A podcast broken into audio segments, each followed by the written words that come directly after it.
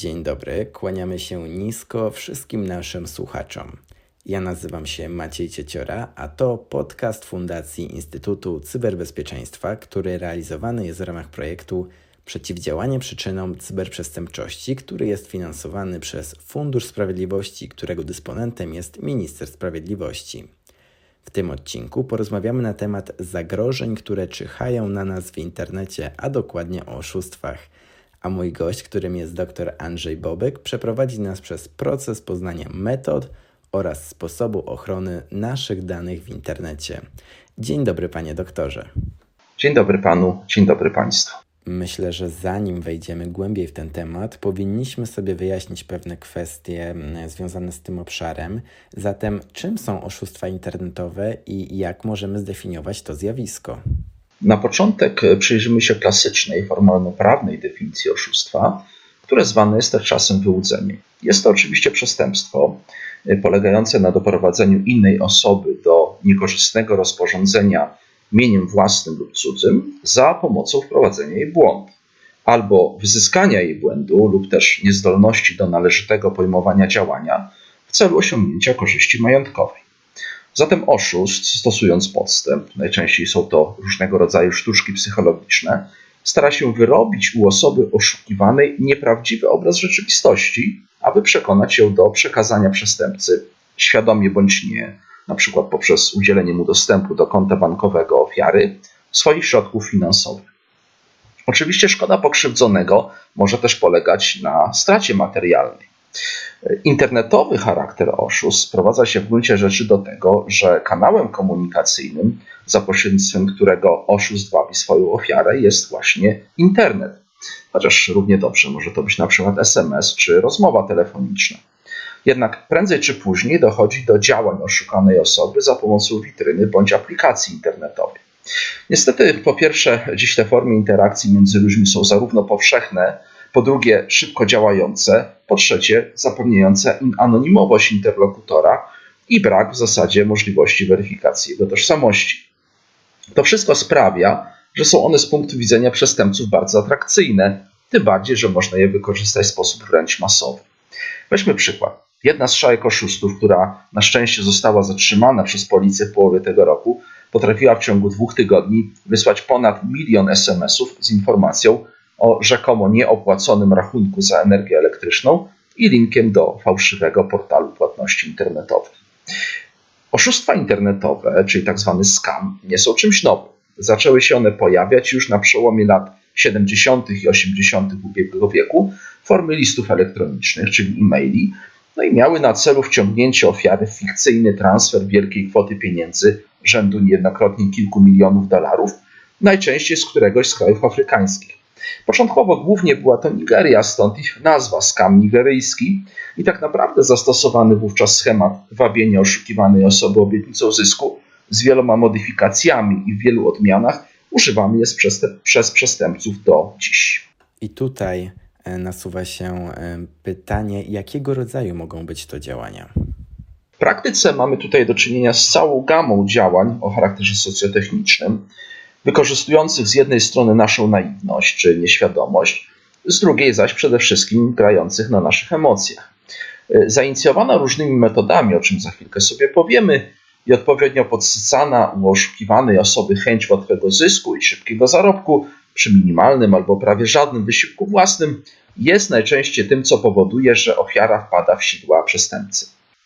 Czasem to nasza chęć niesienia pomocy czy działania z innych altruistycznych pobudek jest tym, co sprawia, że zapominamy, iż po drugiej stronie może być ktoś, kto wcale przecież takimi pobudkami się nie kieruje.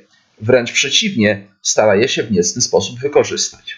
Zazwyczaj jednak najlepsze efekty z punktu widzenia oszusta daje połączenie tych impulsów. My pomożemy kogoś, komuś, kto jest w potrzebie, w cudzysłowie oczywiście, a przy okazji sami odniesiemy, jak się wydaje, korzyści.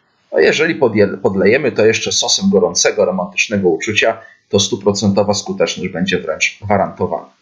A czy mógłby Pan w tym miejscu e, podać jakieś przykłady, które naszym słuchaczom posłużą za obraz e, tych działań, którym posługują się oszuści? Można by tu wymieniać szereg przykładów, które doskonale ilustrują ten systematycznie zresztą powielany w różnych wariantach przez przestępców schemat działania. Y, posłużę się tutaj wprost cytatami z artykułów z prasy codziennej. Amerykański żołnierz, oczywiście w cudzysłowie, obiecał przesłać walizki z 320 milionami złotych. Kobieta nigdy ich nie zobaczyła. Okazuje się, że poznany przez internet na portalu społecznościowym znajomy podawał się za amerykańskiego żołnierza przebywającego w Syrii i obiecywał przesłanie do Polski walizek z pieniędzmi. 51-latka uwierzyła mu i przelała oszustowi 21 tysięcy złotych na koszty związane z przewozem tak sporej gotówki. Kolejny przykład.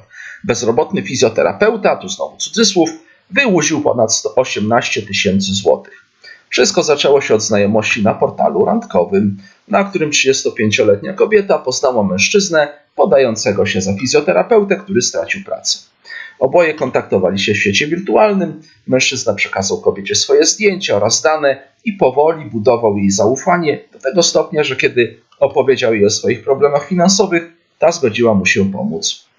Następny przykład. Włoski biznesmen obiecał, że do niej przyjedzie. Oczywiście znowu w cudzysłowie. Nie pojawił się, ale zdążył wyłudzić ponad 80 tysięcy złotych.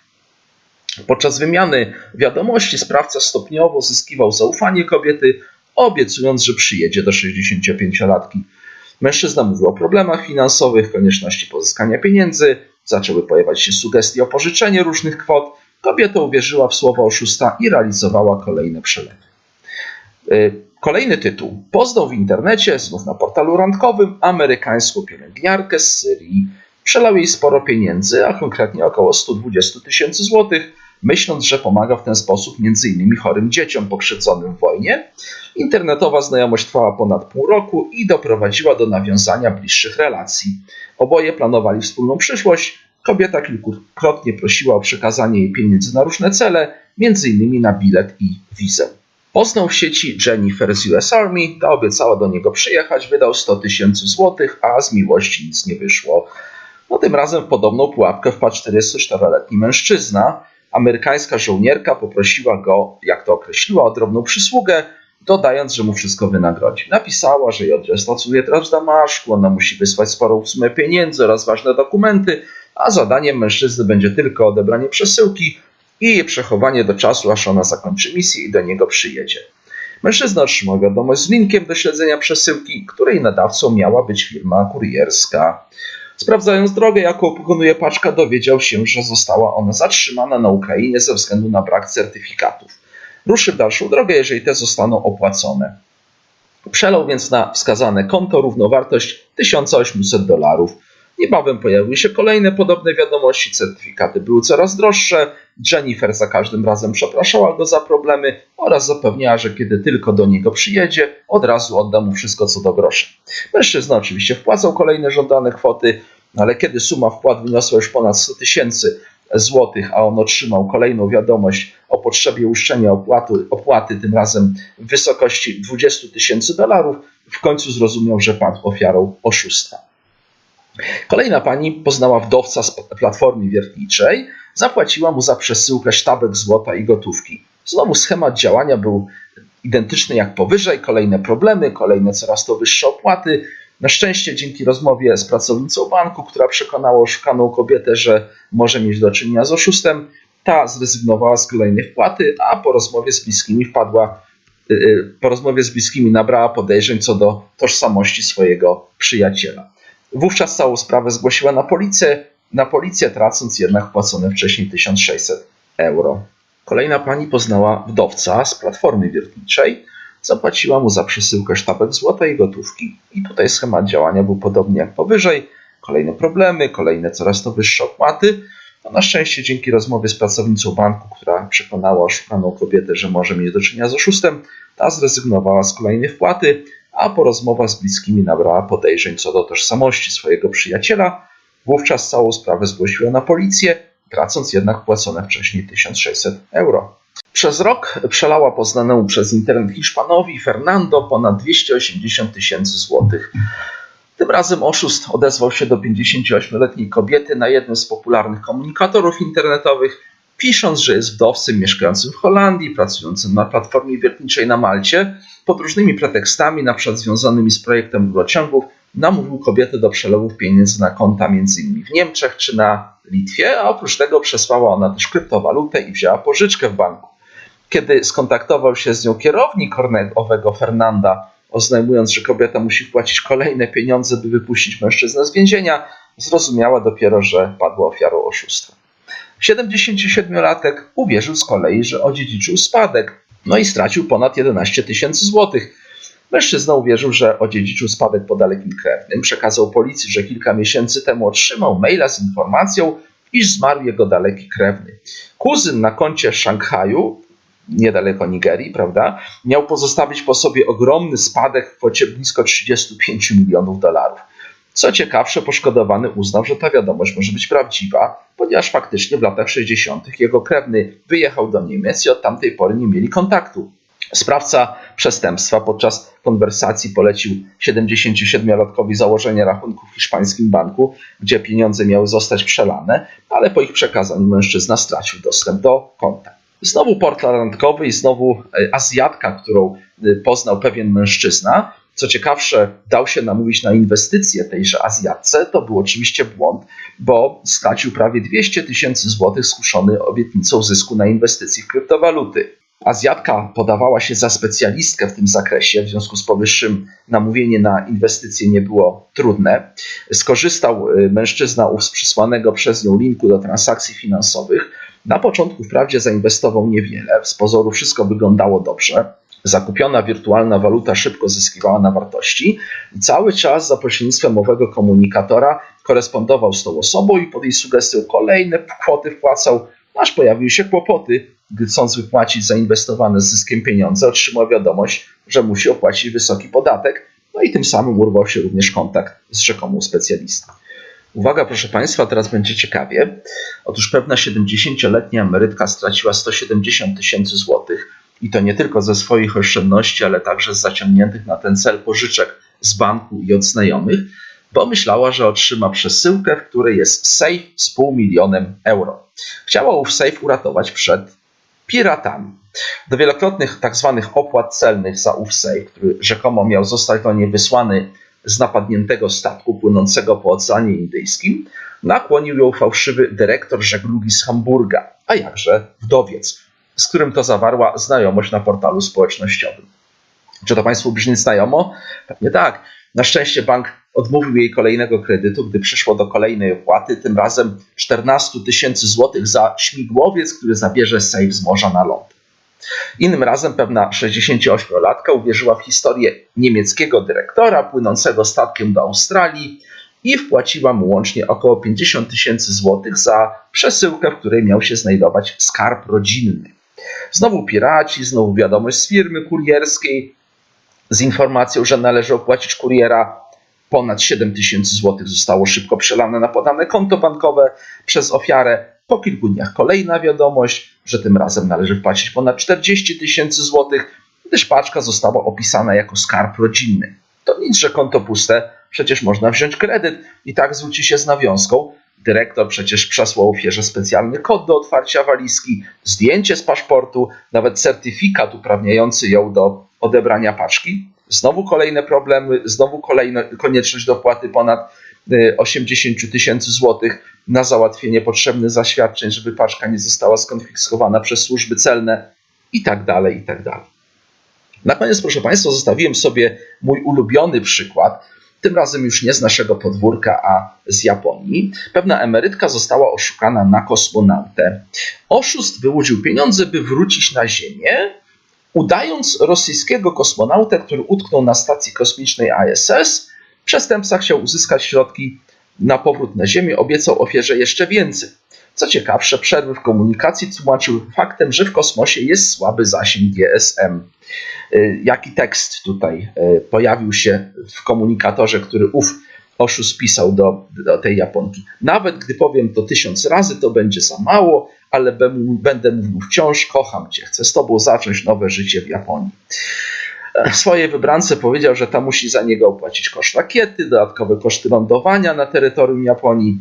Łącznie oszust odebrał kobiecie 4,4 miliony jenów, czyli blisko 150 tysięcy złotych i te pięć przelewów wyłudził w nieco poniżej miesiąca.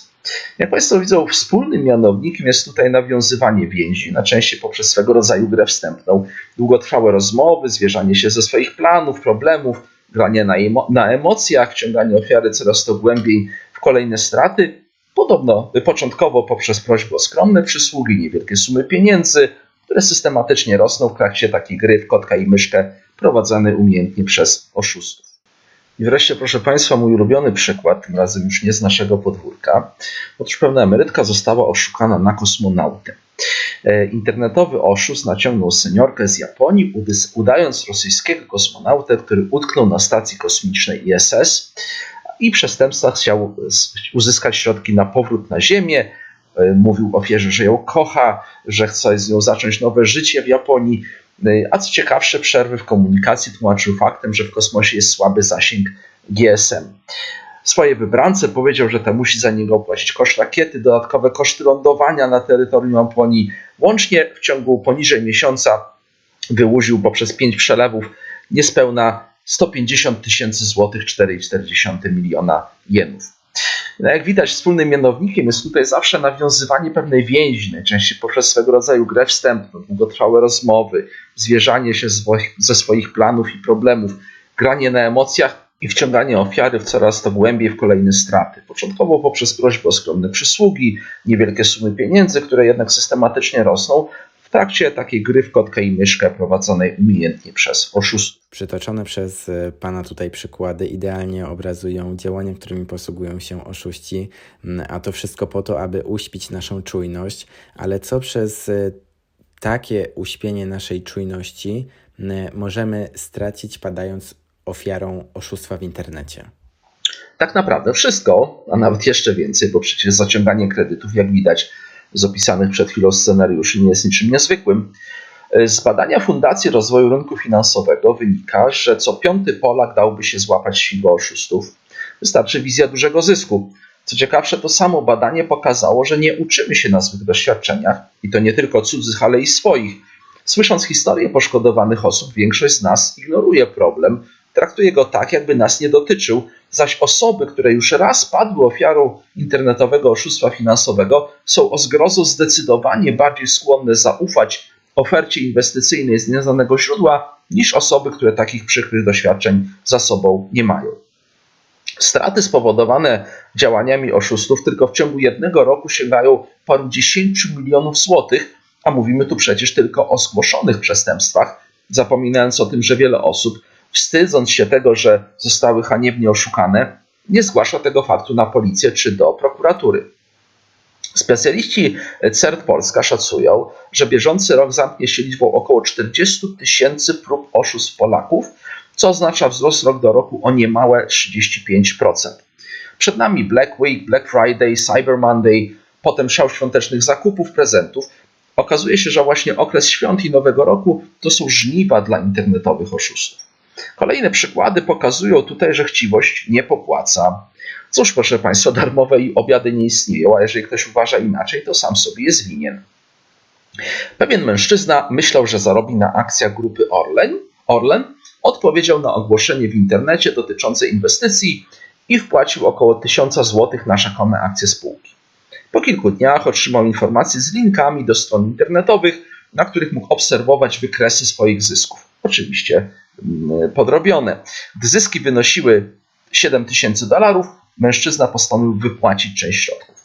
Wtedy ponownie skontaktował się z wirtualnym doradcą, który krok po kroku instruował go co, dalszej, co do dalszej procedury.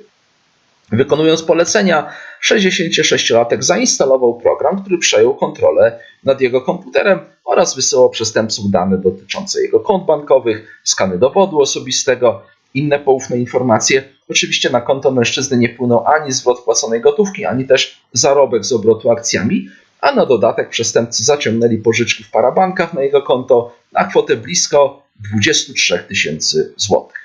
Pewna kobieta z kolei chciała zainwestować na giełdzie i gaz no i straciła 85 tysięcy złotych. Na jednym z serwisów internetowych znalazła ofertę inwestycji na platformie handlowej w owe surowce. Trakcie rejestracji podała dane dotyczące swojej tożsamości, numer karty płatniczej i kod autoryzacyjny do tej karty. Następnie się skontaktował z tą osobą analityk, który zaproponował instalację na urządzeniach programu do śledzenia zysków. Jak się okazało, był to w rzeczywistości program y, tak zwany zdalny pulpit, dzięki któremu sprawcy mieli dostęp do rachunku 39-latki. Ona zaś przez około miesiąc realizowała płatności na wskazane przez przestępców konta, a po tym czasie jej rachunek został wyczyszczony ze wszystkich oszczędności. Kolejny pan skusił się na inwestowanie w kryptowaluty tym razem.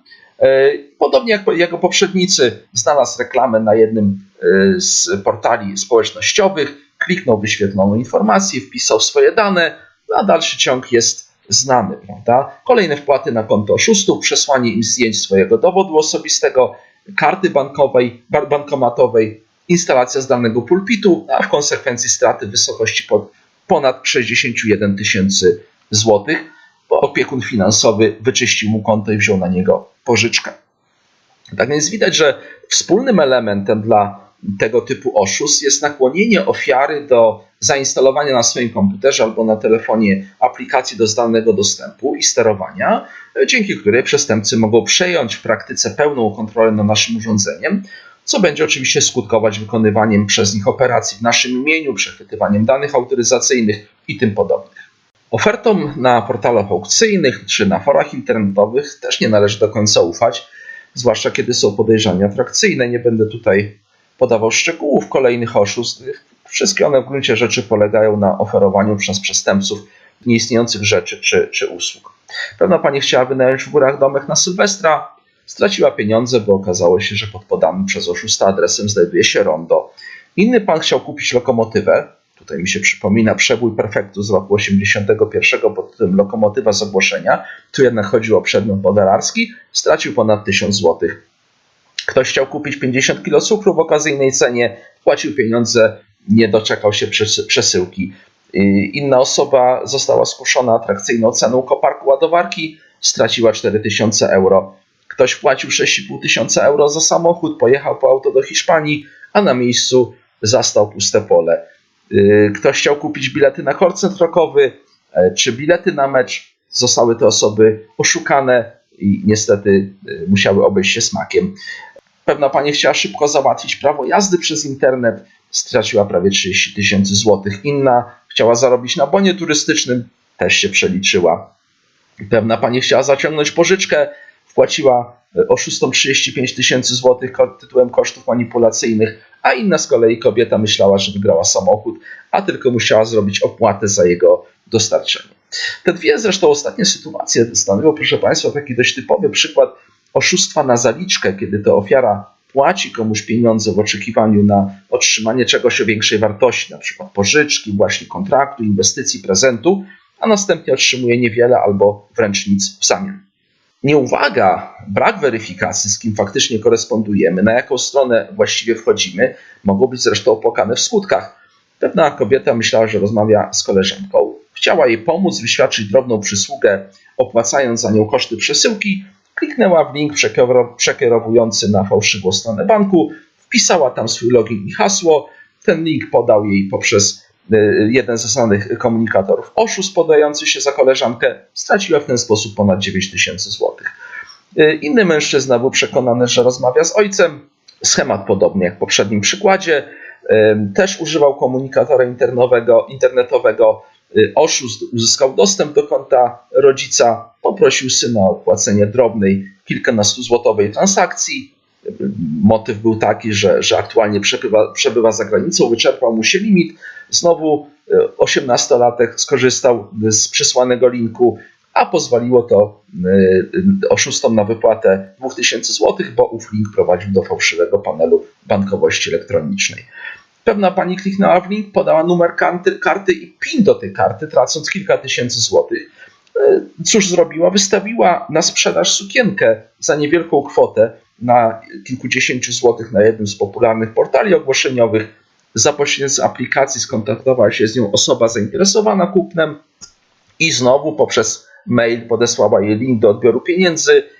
Owa sprzedająca ten link otworzyła, została przekierowana na stronę płatności internetowych, znowu podała numer karty i PIN, no i z jej konta okazało się po jakimś czasie zostały wypłacone pieniądze. Kolejna pani przeglądała na swoim telefonie portal społecznościowy, zobaczyła tam profil swojego banku, no i sądząc, że znajduje się na oficjalnej stronie, postanowiła się zalogować na swój rachunek. Pojawiła się informacja o konieczności wykonania tzw. Tak aktualizacji. Kobieta ją potwierdzała, wpisując na stronie treść otrzymywanych SMS-ów autoryzacyjnych. Kilka dni później się okazało, po zalogowaniu się już w prawidłowy sposób na rachunek bankowy, że z jej konta zniknęło prawie 6 tysięcy złotych. Inny pan poprosił brata, żeby zalogował się na jego konto w banku, stracił prawie 30 tysięcy złotych. A dlaczego? Dlatego, że adres strony bankowej został wyszukany przez wyszukiwarkę internetową.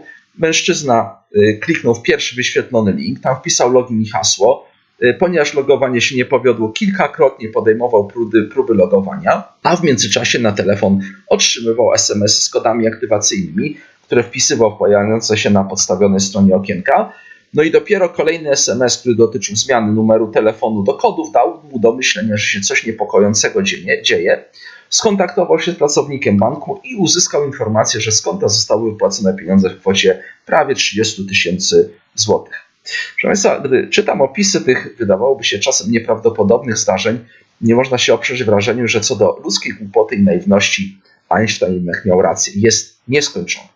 Panie doktorze, w jaki sposób oszuści polują na swoje ofiary? Jak oni się do tego działania zabierają? Jak widać z przytoczonych przeze mnie przykładów, sposobów inicjowania kontaktu z potencjalną ofiarą jest w praktyce bardzo wiele. Mogą to być fałszywe reklamy na portalach społecznościowych typu Facebook, Twitter, Instagram, Tinder itp., czy w wyszukiwarkach, np. Google, wiadomości w komunikatorach takich jak Messenger, WhatsApp, Signal, ale także e-maile, SMS-y czy wręcz rozmowa telefoniczna.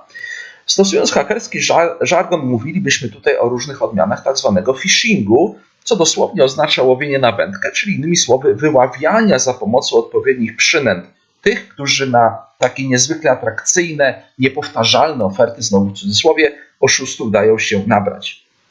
Właśnie taka wyjątkowość, niepowtarzalność okazji, często jej krótkotrwałość, mają skłonić ofiarę do podjęcia szybkiej, nieprzemyślanej w skutkach decyzji, której potem będzie oczywiście długo żałować.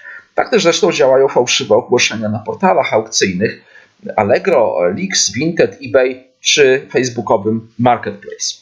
W wielu wypadkach niepewność, nawet strach, czy właśnie działanie pod presją czasu, jesteśmy coraz bardziej zabiegani, powoduje, że dla takiego przysłowiowego świętego spokoju klikamy na przykład w link otrzymany w wiadomości SMS-owej rzadziej e-mailu, y, zazwyczaj informującej o niewielkiej, paru złotowej, żeby uśpić tutaj naszą czujność, powiedzmy niedopłacie za energię elektryczną czy przesyłkę. Ale wiadomość zawiera także groźbę odłączenia prądu, wstrzymania tejże przesyłki. Tego typu zresztą kampanie wysyłkowe są prowadzone przez oszustów y, dość intensywnie, zwłaszcza w takich okresach przedświątecznych. Szansa trafienia wówczas na kogoś, kto właśnie czeka na paczkę, zdecydowanie rośnie, i w innych odmianach, wówczas na przykład, gdy mają miejsce jakieś istotne wydarzenia o ogólnokrajowym y, zasięgu, można by tutaj na przykład przytoczyć spis powszechny, y, zbliżające się terminy zwrotów rocznego podatku, wypłaty 14 emerytury, loterie szczepionkowe i tym podobne. Y, szczególnym okresem była tutaj właśnie notabene pandemia koronawirusa, podczas której na przykład pojawiały się fałszywe informacje o skierowaniu na kwarantannę innym razem może to być umieszczona w takim SMS-ie e, czy e-mailu. Informacja o konieczności zainstalowania aplikacji na telefonie, oczywiście znowu spreparowanej e, przez przestępców w taki sposób, żeby mogli oni później uzyskiwać do niej nieautoryzowany dostęp w celu odbioru paczki, faktury. Może to być mail od policji w cudzysłowie, z którego wynika, że wobec osoby która go otrzymała, toczy się postępowanie w związku z jakimś popełnieniem przestępstwa, że powinna się na przykład zapoznać z zarzutami, które są opisane w załączniku. W ten załącznik należy kliknąć, pobrać go na swoje urządzenie, a tymczasem, podobnie jak poprzednio, zawiera on złośliwe oprogramowanie. Pewną taką szczególną formę stanowią fałszywe posty w sieciach społecznościowych, zwłaszcza na Facebooku, które sensacyjnie informują o jakimś zazwyczaj tragicznym wydarzeniu z udziałem znanej osoby, no i możliwości obejrzenia tego filmu z owego zdarzenia, ale oczywiście po uprzednim podaniu swoich danych na fałszywym panelu logowania, który będzie zbierał dla przestępców nasze loginy, hasło celu, w celu późniejszego ich niecnego wykorzystania, czyli przejęcia naszego konta, podawania się z naszych znajomych lub członków rodziny, którym zazwyczaj przecież ufamy. Tak zresztą się dzieje w przypadku wspomnianych już przeze mnie tutaj maili czy SMS-ów. Link, który jest zawarty w tych, w tych wiadomościach, kieruje bądź do takiego fałszywego panelu logowania, albo do fałszywej strony banku, czy tak zwanej bramki płatności elektronicznych, co znowu z kolei prowadzi do wyłudzenia przez oszusta naszych danych identyfikacyjnych czy autoryzacyjnych. Kilka takich z życia wziętych, będących wciąż na czasie zresztą scenariuszy oszustw Państwo już widzieli, a chciałbym jeszcze poza tymi wymienionymi podać jeszcze parę. Na przykład wiadomość SMS podszywająca się pod bank, informująca o blokadzie konta, konieczności zainstalowania na smartfonie aplikacji bezpieczeństwa. Linki wiadomości prowadzą oczywiście do fałszywej strony logowania banku, która wyłudza login i hasło, a następnie oferuje link do pobrania złośliwej aplikacji na Androida, której zainstalowanie może spowodować kradzież pieniędzy z rachunku bankowego. Kolejna akcja. SMS-y obiecujące kupony od żabki, kupony rabatowe. Znowu linki wiadomości prowadzą do fałszywej strony, która zachęca do autoryzacji y, ofiary poprzez logowanie do wybranego banku, aby odebrać kupon. Strona oczywiście banku jest podstawiona, wypełnienie widniejącego na niej formularza znowu może skutkować kradzieżą pieniędzy z konta. Pieniędzy z konta. Y, kolejny przykład. Fałszywe e-maile podszywające się pod serwis rządowy biznes.gov.pl zawierający złośliwy załącznik w postaci archiwum RAR i wiadomość, która straszy konsekwencjami prawnymi w przypadku nieprzeczytania zawartej w nim treści. Rozpakowanie tego załącznika, uruchomienie y, zawartego w, niej, w nim programu spowoduje zainfekowanie komputera ofiary złośliwym oprogramowaniem. E, fałszywe wiadomości e-mail, które mają tytuł Twoja karta została tymczasowo zablokowana, Internetowi złodzieje podszywają się w niej pod różne banki, informując, że ktoś używa naszej karty bez zgody, instruują dalej, by kliknąć zawarty w wiadomości link, żeby otworzyć bezpieczne, tutaj w cudzysłowie, okno przeglądarki i postępować zgodnie z instrukcjami, aby chronić swoją kartę przed oszustwem. No jeżeli odbiorca kliknie w link, zostanie przeniesiony na fałszywą stronę logowania, która wyłudza dane pozwalające na, przestępcom na kradzież środków z konta ofiary. W innym wypadku oszust podszywa się pod Netflixa, wysyła e-maile informujące o zawieszeniu e, usługi ze względu na błąd w przetwarzaniu płatności za kolejny cykl rozliczeniowy. Takie wiadomości są w tym momencie rozsyłane masowo z różnych adresów, także do osób, które nie są klientami Netflixa, ale wyglądają wiarygodnie, są poprawnie po polsku sformułowane, zwracają się do ofiary jej prawdziwym imieniem. Prawdopodobnie dane tutaj pochodzą z różnych wycieków, które miały miejsce w przeszłości, to uwiarygodnia takie, taki e-mail. No i znowu po kliknięciu w link ofiara przenoszona jest na stronę wykładającą dane dostępowe do konta Netflix. Kolejny przykład to maile informujące o uzyskaniu przez naciągacza pełnego dostępu do wszystkich urządzeń, których używamy do przeglądania internetu i monitorowaniu wszystkich naszych działań w internecie. Informacja ma tutaj charakter szantażu, mającego na celu wyłudzenie pieniędzy, a w zasadzie równowartości w kryptowalutach, pod groźbą ujawnienia naszych odwiedzin na stronach dla dorosłych. Treść maila wprost naszpikowana jest terminami technicznymi, co ma na celu ją uwiarygodnić. Oszust liczy na to, że trafi na wstydliwą osobę, która faktycznie przeglądała strony dla dorosłych i która wie, co to jest płacenie w bitcoinach. Te wiadomości są rozsyłane masowo i to od paru dobrych lat, a szantażysta nikogo nie zainfekował, należy je po prostu zignorować. Powtarzające się dość regularnie są kampanie SMS-owe, w których oszuści podszywają się pod firmę dostarczającą przesyłki. W treści SMS-a znajduje się stary, dobrze znany pretekst już Państwu na dopłatę do paczki i link prowadzący do fałszywej bramki płatności. Jeżeli ofiara przekaże dane, o które pyta ją fałszywa strona, to straci zdecydowanie więcej niż owa dopłata, czyli złoty 99. Okazuje się, że samo otrzymanie SMS-a nie stanowi tutaj zagrożenia, podobnie jak kliknięcie w link. Natomiast problem pojawi się, jeżeli ofiara faktycznie zaloguje się do swojego banku, oczywiście w cudzysłowie przez podstawioną stronę, albo wpisze w formularzu dane dotyczące jej rachunku bankowego. Przestępcy często tutaj proszą o PESEL, o nazwisko panieńskie matki, no bo są one w niektórych bankach na przykład wymagane do aktywacji aplikacji mobilnej, którą potem podpinają do rachunku ofiary ze swojego telefonu. E, pewną odmianą są tutaj ataki mające na celu wyłudzenie danych osobowych w celu zapisania ofiary na tzw. Tak subskrypcję, czyli powtarzalne, regularne ściąganie z karty płatniczej pewnej kwoty pieniędzy, rzędu kilkudziesięciu złotych. Tutaj znowu link w SMS-ie prowadzi do odpowiednio spreparowanej strony.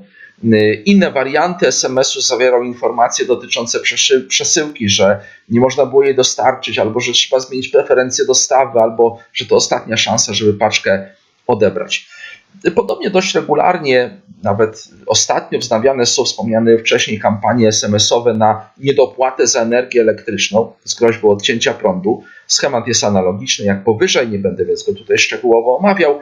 Przestępcy korzystają na przykład z tego, że w końcu kwietnia dobiega y, ostateczny termin rozliczeń podatkowych i na skrzynki e-mail wysyłają wiadomość podszywającą się pod Ministerstwo Finansów informującą o zwrocie podatku zapłaconego w roku ubiegłym.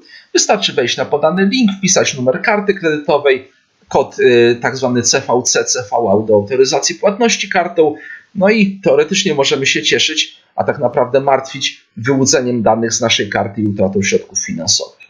Kolejna kampania SMS-owa, która się podszywa pod blik, której oszuści informują, że ktoś wysłał nam przelew na telefon, jest to kilkaset złotych, kwota nie do pogardzenia, i że należy skorzystać z podanego linku do odbioru środków. Po kliknięciu na link ofiara widzi fałszywą bramkę płatności. Kiedy wybierze swój bank, zostanie poproszona o kilka informacji, PSL, kod PIN do aplikacji mobilnej i znowu umożliwią one przestępcom podpięcie się pod jej rachunek bankowy i wyczyszczenie go z pieniędzy. Co ciekawsze, operator Blika i banki faktycznie wysyłają SMS-y o podobnej treści, jeżeli ktoś komuś faktycznie zrobił przelew Blik na numer telefonu, ale oczywiście wyglądają one inaczej i cała procedura odbioru gotówki też wygląda inaczej. Także jak Państwo widzą, takich przykładów można by mnożyć wiele. Nieważne jednak jakim kanałem, czy będzie to SMS, komunikator, czy e-mail, są one przesyłane, te wiadomości. Nieważne jaką wiadomość, byle odpowiednio frapującą dla odbiorcy zawierają, praktycznie zawsze zawierają link, który prowadzi do strony wyłudzającej, czy to dane autoryzujące, czy finansowe, czy nakłaniającej do zainstalowania na naszym komputerze lub smartfonie złośliwej aplikacji. No tak, e, przykładów możemy mnożyć wiele. E, jak widać, e, oszuści mogą do nas dotrzeć prawie już każdym kanałem informacyjnym. Zatem, jak chronić się przed działaniem oszustów? Pierwsza i podstawowa zasada brzmi: osuć emocje, zachowaj chłodną głowę. Najpierw pomyśl, potem klikaj. W sieci, proszę Państwa, podobnie jak w ruchu drogowym, obowiązuje zasada ograniczonego zaufania. I kilka prostych reguł, chciałbym teraz przedstawić, którymi trzeba się kierować, żeby nie stać się celem oszustów. Po pierwsze, zachowajmy ostrożność podczas sprzedaży czy zakupów za pośrednictwem internetu. Nigdy nie klikajmy w załączone w SMS-ach czy e-mailach od w cudzysłowie kupujących linki. Nie wpisujmy na podanych stronach swoich danych, loginów, haseł do kont bankowych, numerów kart kredytowych, kodów zabezpieczających. Pamiętajmy, że wszelką korespondencję i komunikację prowadzimy jedynie za pośrednictwem danej platformy zakupowej, a nigdy poprzez zaproponowany przez przestępcę komunikat. E, unikajmy zakupów przedmiotów o rażąco zaniżonej cenie, podejrzanych okazji. Mogą one pochodzić z przestępstwa albo być po prostu wabikiem stosowanym do wyłudzenia pieniędzy. Na wszelki wypadek trzeba tutaj zachować korespondencję ze sprzedawcą, ponieważ może ona stanowić dowód w sprawie. Y, sprawdzajmy sprzedającego dane, numer NIP firmy, adres siedziby, dane właściciela. Przed zakupem zapoznajmy się z komentarzami innych kupujących. Często w takich opiniach znajdziemy bardzo dużo przydatnych informacji. Starajmy się zawsze wybierać, proszę Państwa, opcję płatności kartą kredytową. Można wówczas skorzystać z procedury, która się nazywa chargeback. Ona polega na zwrocie pieniędzy. Jest on inicjowany przez wystawcę karty, ale w imieniu klienta, dokonywanym po rozpatrzeniu reklamacji. Więc w momencie zapłacenia kartą kredytową i gdy nie dostaniemy zamówionego towaru, dostaniemy zwrot pieniędzy. Albo za pobraniem, czyli u kuriera podczas odbioru paczki. Wtedy płacimy tylko dopiero wtedy, kiedy faktycznie przedmiot mamy w ręku. I tutaj ważna uwaga, bo ostatnio właśnie przestępcy wysyłają sprzedającym podrobione etykiety przewozowe firm kurierskich. Są one spreparowane tak, że mają zaznaczoną opcję pobrania. Ale w rzeczywistości, gdy oszust się pojawi po swój cenny łup, paczkomat nie poprosi go o uiszczenie kwoty pobrania, tylko po prostu wyda mu zwykłą przesyłkę, a my nie dostaniemy pieniędzy. Także takie etykiety powinniśmy sami generować, sami drukować to trzeba zachować zdrowy rozsądek przy inwestowaniu na nieznanych platformach. Dobrze jest skontaktować się wcześniej z doradcą finansowym, profesjonalistą, który doradzi nam, jak to zrobić. Nie należy nigdy klikać na przesłane linki, podawać wrażliwych danych, typu danych logowania do kont, danych autoryzacyjnych do banku, naszych danych osobowych, czy instalować obcego oprogramowania, bo po prostu może to doprowadzić do utraty wszystkich oszczędności. Zresztą ta zasada dotyczy każdej wiadomości, niezależnie od formy czy kontekstu, którą otrzymujemy od obcej osoby. Spróbujmy zweryfikować innym kanałem informacyjnym, SMS-em, e-mailem czy zwykłą rozmową telefoniczną, że osoba, z którą korespondujemy na platformie lub na przykład w sieci społecznościowej, która prosi nas o jakąś drobną przysługę, faktycznie jest naszym znajomym lub członkiem rodziny.